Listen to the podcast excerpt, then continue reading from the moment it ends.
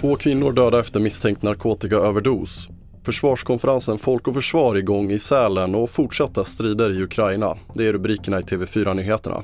Men vi börjar med att två unga kvinnor har hittats döda efter en misstänkt narkotikaöverdos i Norge, det skriver norska VG. Under natten fick polisen ett larmsamtal till en privat adress i Spydeberg där kvinnorna hittades livlösa. Polisen inledde livräddande insatser men deras liv gick inte att rädda och en man i 20-årsåldern greps på plats misstänkt för att ha gett kvinnorna narkotikan.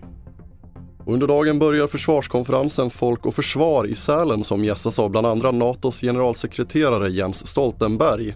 Sveriges framtida roll i försvarsalliansen väntas bli en av huvudpunkterna precis som det militära stödet till Ukraina. Socialdemokraternas partiledare Magdalena Andersson vill se en ökad vapenproduktion i hela Europa för att öka både Sveriges och Ukrainas förmåga att försvara sig. Tyvärr så behöver vi förbereda oss på att kriget i Ukraina kan bli långvarigt. Och det innebär att vi också behöver förbereda oss på att långvarigt kunna stötta Ukraina med militärt materiel. Och här behöver man göra mer i hela Europa och västvärlden för att eh, kunna fortsätta stötta Ukraina samtidigt som vi behöver bygga upp vår egen försvarsförmåga.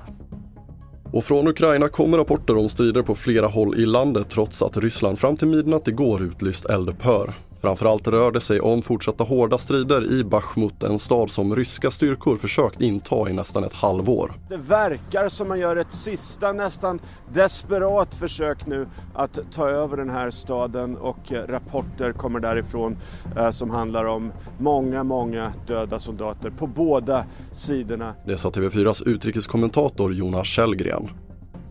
Och vi avslutar med att Zlatan Ibrahimovic snart är tillbaka från sin skada och då passade förbundskapten Janne Andersson på att prata med svensken om en eventuell landslagscomeback, skriver GP. När förra säsongen avslutades stod det klart att Zlatan skulle operera sitt knä och knäskadan var så pass allvarlig att svensken inte spelat en enda match under hösten. En eventuell landslagscomeback för Ibrahimovic kan bli aktuell i mars då EM-kvalet börjar och Sverige möter Belgien och Azerbajdzjan.